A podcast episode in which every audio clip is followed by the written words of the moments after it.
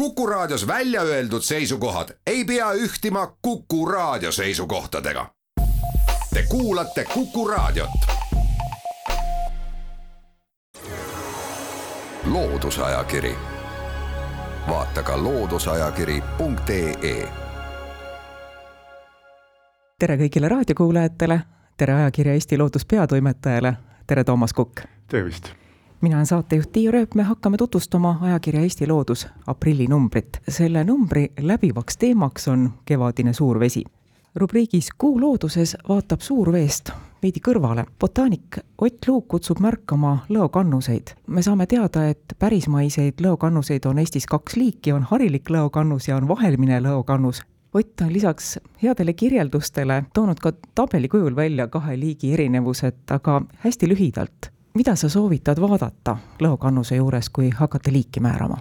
no kõigepealt tuleb veenduda, et ikka tegemist on lõokannusega ja mitte mõne teise taimega, sest seda on ka tihtipeale või noh, mitte tihtipeale, aga vahel juhtunud, et keegi taimesõber toob või annab teada, et ta on avastanud ühe või teise põneva taime, aga selgub, et ta ei ole üldse sellest äh, perekonnast. Õnneks lookannused on kevadeti üsna hästi äratuntavad selliste proosakate õitega, noh, võivad ka olla teinekord valged, nagu ikka proosade õitega taimed. Ja kindlasti tuleks vaadata just äh, taime nagu üldist äh, haabitust, taime suurust, vahelmine lookannus on märksa väiksema kasvuga ja temal on võitekanderehed peaaegu terved, sellised munajad, terava tipuga tihtipeale. Ja samal ajal siis meil rohkem levinud varilik põlvakannus on siis selliste sõrmjate kanderehtedega. Ja noh, muidugi see taime üldine tugevus, vahelmine on, on märksa selline väiksem ja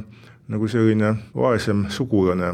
ta on meil äh, levinud üsna hästi Lääne-Saaremaal ja mujal mitmel pool salumetsades, äh, mõisaparkides, ta on meil kaitse alla ka võetud, kuna raiukohti on suhteliselt vähe liigume edasi ajakirja Eesti Loodus aprillinumbri tutvustamisega. ülevaade viimase paari aasta suurematest üleujutustest Euroopas juhatab sisse ajakirja põhiteema ning järgmiseks leiabki ajakirjast Marko Vainu ja Jaanus Terasmaa, nad on Tallinna Ülikooli ökoloogiakeskuse inimesed.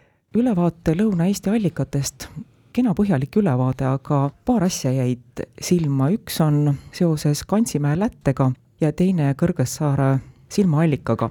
Kansimäe lätte on küll kantud keskkonnaregistrisse, aga siiski, kui teadlased käisid kahe tuhande kahekümne esimese aasta kevadel seda allikat otsimas, siis oli selge, et seal on puid langetatud ja allikast ei ole väga palju järele jäänud ning äh, Kõrgessaare silmaallika puhul oli täpselt samamoodi, allikas oli metsatööde käigus kannatada saanud ja silmaallikas on pärandkultuuriobjektide registris, keskkonnaregistris kaks tuhat kakskümmend üks kevadel tema sissekannet ei olnud. sellest tuleb küsimus, mida me saaksime teha, et maaomanikud muutuksid allikate suhtes tähelepanelikumaks ja võib-olla ka hoolivamaks? kindlasti tuleb äh, maaomanikele seda infot jagada, et, et nende maal on üks või teine väärtuslik äh, loodusväärtus. minu meelest on see meie looduskaitse üks äh, tõsine viga, et omaniku eest tihtipeale püütakse seda teavet endale hoida, et kartes ilmselt, et siis omanik äkki hakkab seda väärtust kuidagi kahjustama, aga mina olen veendunud, et ikkagi kui mina oleks maaomanik ja minu maadel oleks mingi väärtuslik pallikas, millel on väga uhke pärandkultuuri seos, et ta on kajastatud paljudes ütleme mustendites, siis ma kindlasti suhtuksin sellesse ikkagi märksa teadlikumalt, kui teeb lihtsalt mingisse vesisesse kohta oma maadel, mille puhul võib-olla vaatad, et, et noh, et näed, jälle tuleb vett maa seest, et on nüüd seda vaja mul siin niigi soine, et kindlasti on see teavitus ja ütleme, omanikuga suhtlemine väga tähtis. ja, ja ma olen aru saanud, et siin ka selle teadlaste töö puhul see suhtlus omanikega oli täiesti olemas, et nad ikkagi neid allikaid otsides äh, kohtusid ka vähemalt vahetevahel siis nende maade omanikega, nii et äh, ma loodan, et sellist tüüpi teabe Eesti looduses äh, avaldamine mõjub noh, vähemalt pikemas perspektiivis kindlasti hästi geograaf Arvo Järvet kirjutab Kevadsuurveest Eesti jõgedel. see, kas kevad toob kaasa endaga vaatemängulise suurvee ja millal see kõik juhtub, tuleb välja, et see sõltub ikka väga mitme teguri kokkulangemisest. No täpselt, eks siin üks tähtis tegur on see, et kui palju talvel on sadanud äh, lund ja, ja kui kiiresti ta kevadel sulama hakkab, aga, aga eks neid tegureid on kindlasti teisigi, siin eraldi on välja toodud, et Emajõe uputused. Tartus on nad olnud üsna üsna tuntud, neid on üle paarikümne suurema, mida veel mäletatakse või on siis dokumenteeritud. nii siit äh, Valvo Järveti jutust kui ka mujalt. Sellest numbrist tuleb ka see hästi välja, et kui sa elad sellises kohas, kus selline uputus on kaunis sage, siis sa sellega harjud ja sa ei, sa ei pea seda nagu suureks õnnetuseks, pigem püüad selle uputusega võimalikult hästi hakkama saada niimoodi, et kahjud oleks väiksed ja eks see võib ka peale sellise kahjuga olla teinekord päris äh, selline, ütleme naljakas, kui ikka sul veed on ahju jõudnud, nagu siin samas numbris on ka mõned fotod. nii et ilmselt äh, on, ütleme uputused sellist tüüpi loodusnähtus, millega võidelda on ikkagi, ütleme mingis mõttes on see võimalik, aga aga pigem tuleks inimesel sellega kohaneda Marju Kõivupuu kirjutab ajakirja Eesti Loodus aprillinumbris allikatest rahvapärimuses. saame teada, et allikad on rahvapärimuses olnud pühad kohad ja kõige enam on meil silmaallikaid. mina sain seda ka teada, et sõna katk ei ole olnud ühetähenduslik. tuleb välja, et ma ei tea eesti keele sõnu, nende tähendust. no vot, et eh, selles mõttes see Marju Kõivupuu kirjutis on väga, väga tore, et, et tõesti võib-olla need silmaallikad on mõnes mõttes kõige tuntumad, aga neid äh, allikaid on kasutatud veel väga mitmetel ütleb äh, eesmärkidel, eks ütleb äh, ohvriallikad on küllalt tuntud võib-olla, aga ka ilmaallikad, millest saab siis ütleb ilma kas muuta või või vähemalt siis muutumist ette ennustada, nii et see ütleb allikatega seonduv pärimus on, on väga mitmekesine lehitseme ajakirja Eesti Loodus aprillinumbrit edasi. Kadri Sohar, Tartu Ülikooli teadur, kirjutab karppähilistest Eesti allikaveekogudes ja rubriigis Tegutse teadlikult Martin Tikk annab soovitusi, kuidas kaitsta kodu veejõudude eest. ning ähm, esimene soovitus on see, et vaadata Maa-ameti geoportaali ja kui hakata planeerima koduehitust sellisesse piirkonda, kus võib ette tulla üleujutusi, aga minu meelest rakendusgeoloog Margo Kohv annab väga hea soovituse mine räägi kohalikega, kes Just. on seal elanud ja Just. kelle isad on seal elanud täpselt, et see on tegelikult äh, selline soovitus, mida tundub ju niivõrd äh, endastmõistetav, et kui ma nüüd tahaksin kuhugi minna elama, et ma siis peale selle, et ma endale kinnistu soetan, ma ikkagi lähen suhtlen ka naabritega ja võib-olla ka need naabrid ei peagi kohe päris äh, samas elama, võib-olla natuke kaugemal, et see on igas mõttes hea soovitus, et saab teada loodusolude kohta, kui sageli, kui tihti seal näiteks kevadel jõe kaldal suurveed äh, tekivad, samuti võib ka, nagu siin Marko Kohv mainib, et teinekord on vaja, teab abi, et, et umbes naabrimees tuleb, aitab sind sealt veest välja tõmmata, et, et ka selleks on kohalikud suhted väga tähtsad. muidugi on abi internetist kindlasti ja siin on ka antud sobivaid vihjeid loodusajakiri, vaata ka looduseajakiri.ee. loodusajakiri läheb edasi. täna on saates külas ajakirja Eesti Loodus peatoimetaja Toomas Kukk, mina olen saatejuht Tiiu Rööp ja me jätkame ajakirja Eesti Loodus aprillinumbri tutvustamist. rubriigis Abiks õpetajale jagab Piret Pappel soovitusi, kuidas mõõta veevoolu hulka reisikiri on sedapuhku botaanik Jaanus Paalilt ja küsib ta oma kirjutise pealkirjas, kas Mongoolias on soid. tuleb välja küll, et neid on üsna vähe. Mongoolia territooriumist hõlmavad turbalad umbes üks koma seitse protsenti, mis on naeruväärselt vähe võrreldes sellega, mis meil on. tõesti, aga kui me vaatame seda hektarites, kui palju neid soid on, siis see on, ütleme rohkem kui pool Eestit, nii et tegelikult äh, soid on seal kaunis palju. eks meie jaoks on ju see piirkond seostunud kuivade kohtadega, stepid ja kõrbed, aga tuleb välja, et mägedes on äh, soid päris mitut tüüpi, siin ütleb äh, Jaanus Paal on toonud ka soode jaotuse, kokku oli neid tüüpe seitse koguni.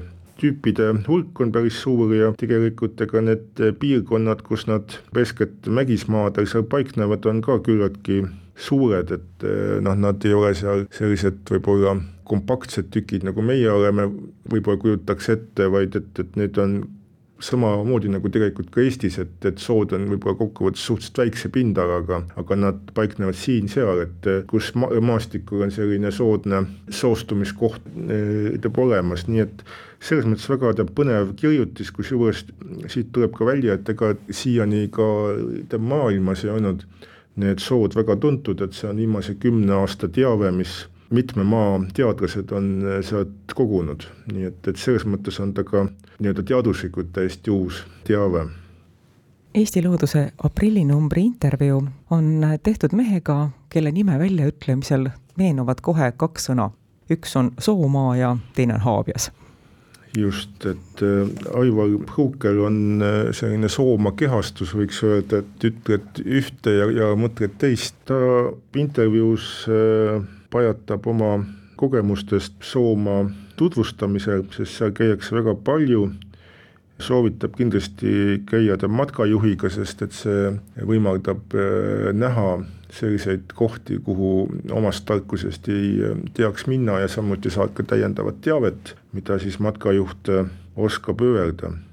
nii et igatahes väga põnev intervjuu minu meelest sada rida loodusest on üks rubriik, mida ma alati Eesti loodusest loen. saates Eesti looduse sisu tutvustades oleme sageli sellest üle libisenud, täna ei taha ma seda kohe sugugi teha. Aino Mölder kirjutab oodi linnapuudele ja kui see läbi lugeda, siis usun küll, et nii mõnigi inimene hakkab linnapuid vaatama hoopis teise pilguga.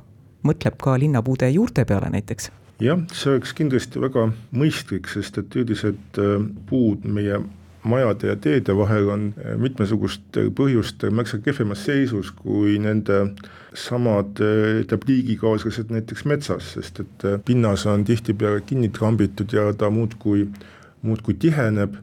Samuti jõuab sinna meie teede talvisel hooldusel tarvitatud soolad ja paljud muud põhjused, miks puu peab kasvama hoopis keerukamates tingimustes, kui ta saaks seda teha metsas. Ja kui natukenegi saaks kaasa aidata, oleks sellest äh, puudele kindlasti väga palju abi, kas või noh, see, et me ei pea temade juurestiku sillutisega nii tihedalt katma, vaid et me võiksime ikkagi jätta sellist ütleme murupinda, kus ka võiks ju inimene käia, olgugi et ta seda murda siis kohe uuesti kinni tallaks, aga, aga ka sellel on ikkagi suurem väärtus kui päris äh, tihedal kivikattel zooloog Merike Linnamägi ja Tartu Ülikooli magistrant, tulevane lepatriinu uurija. Triin Lepik kirjutavad Aasia arlekiin lepatriinust, uuest invasiivsest võõrliigist Eestis. Ja see, kuidas Aasia arlekiin lepatriinu oma looduslikust levialast nii palju kaugemale on jõudnud ja kuidas tal on õnnestunud mujal maailmas invasiivseks muutuda,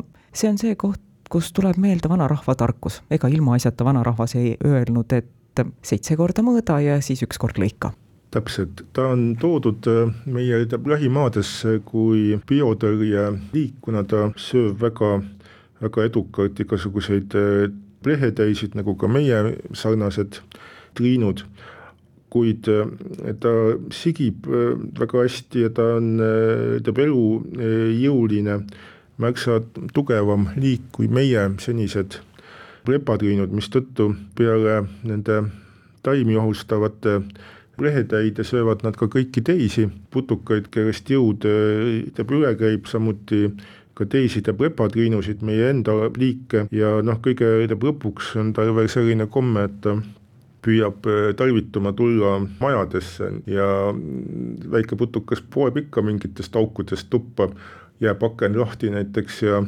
ja, ja siis ei maksa teab üllatuda, kui on selliseid äh, invasiivseid putukaid pärast kuskil ütleb suuremates kogustes, mis ei pruugi üldse muidugi väga meeldiv olla, et see on küll rohkem niisugune subjektiivne põhjus, miks sellest äh, putukast peaks hoiduma, aga jah, ta on meil Eestis nüüd veenvalt tõendatud ja võib karta, et ta rohkem ka tuleb teateid tema uutest äh, leiukohtadest Eestis. Saate lõpuni on veel veidi aega ning me jõuame peatuda veel ühel artiklil, ajakirja Eesti Loodus aprillinumbris saab lugeda ka Eesti antropoloogia suurkujust Karin Margist. Märtsikuus möödus meie antropoloogia suurkuju. Karin Margi sünnist sada aastat, et tema teadustöödest saab siin numbris päris kena kokkuvõtte, et äh, peaksime oma selliseid teaduse ja eestlaste uurijaid ikkagi meenutama, et äh, samal teemal meil on plaanis ka siin ütleme sügise poole pikemalt kirjutada, sest et kui praegu on siin äh, Karin Margi sajas sünniaastapäev, siis sügisel on meie ütleme antropoloogia suurkuju Juhan Pauli saja kahekümne viies sünniaastapäev, nii et eks me sügise poolega kajastame seda sündmust Eesti looduses. tänaseks lõpetame saate, loodetavasti jõudsime anda teile ammendava ülevaate ajakirja Eesti Loodus aprillinumbri sisust. saatejuht Tiia Rööp tänab külalist, ajakirja Eesti Loodus peatoimetajat Toomas Kukke, samuti kõiki teid, head kuulajad, ilusat õhtu jätku ja jälle kuulmiseni! loodusajakiri. Vaata ka looduseajakiri.ee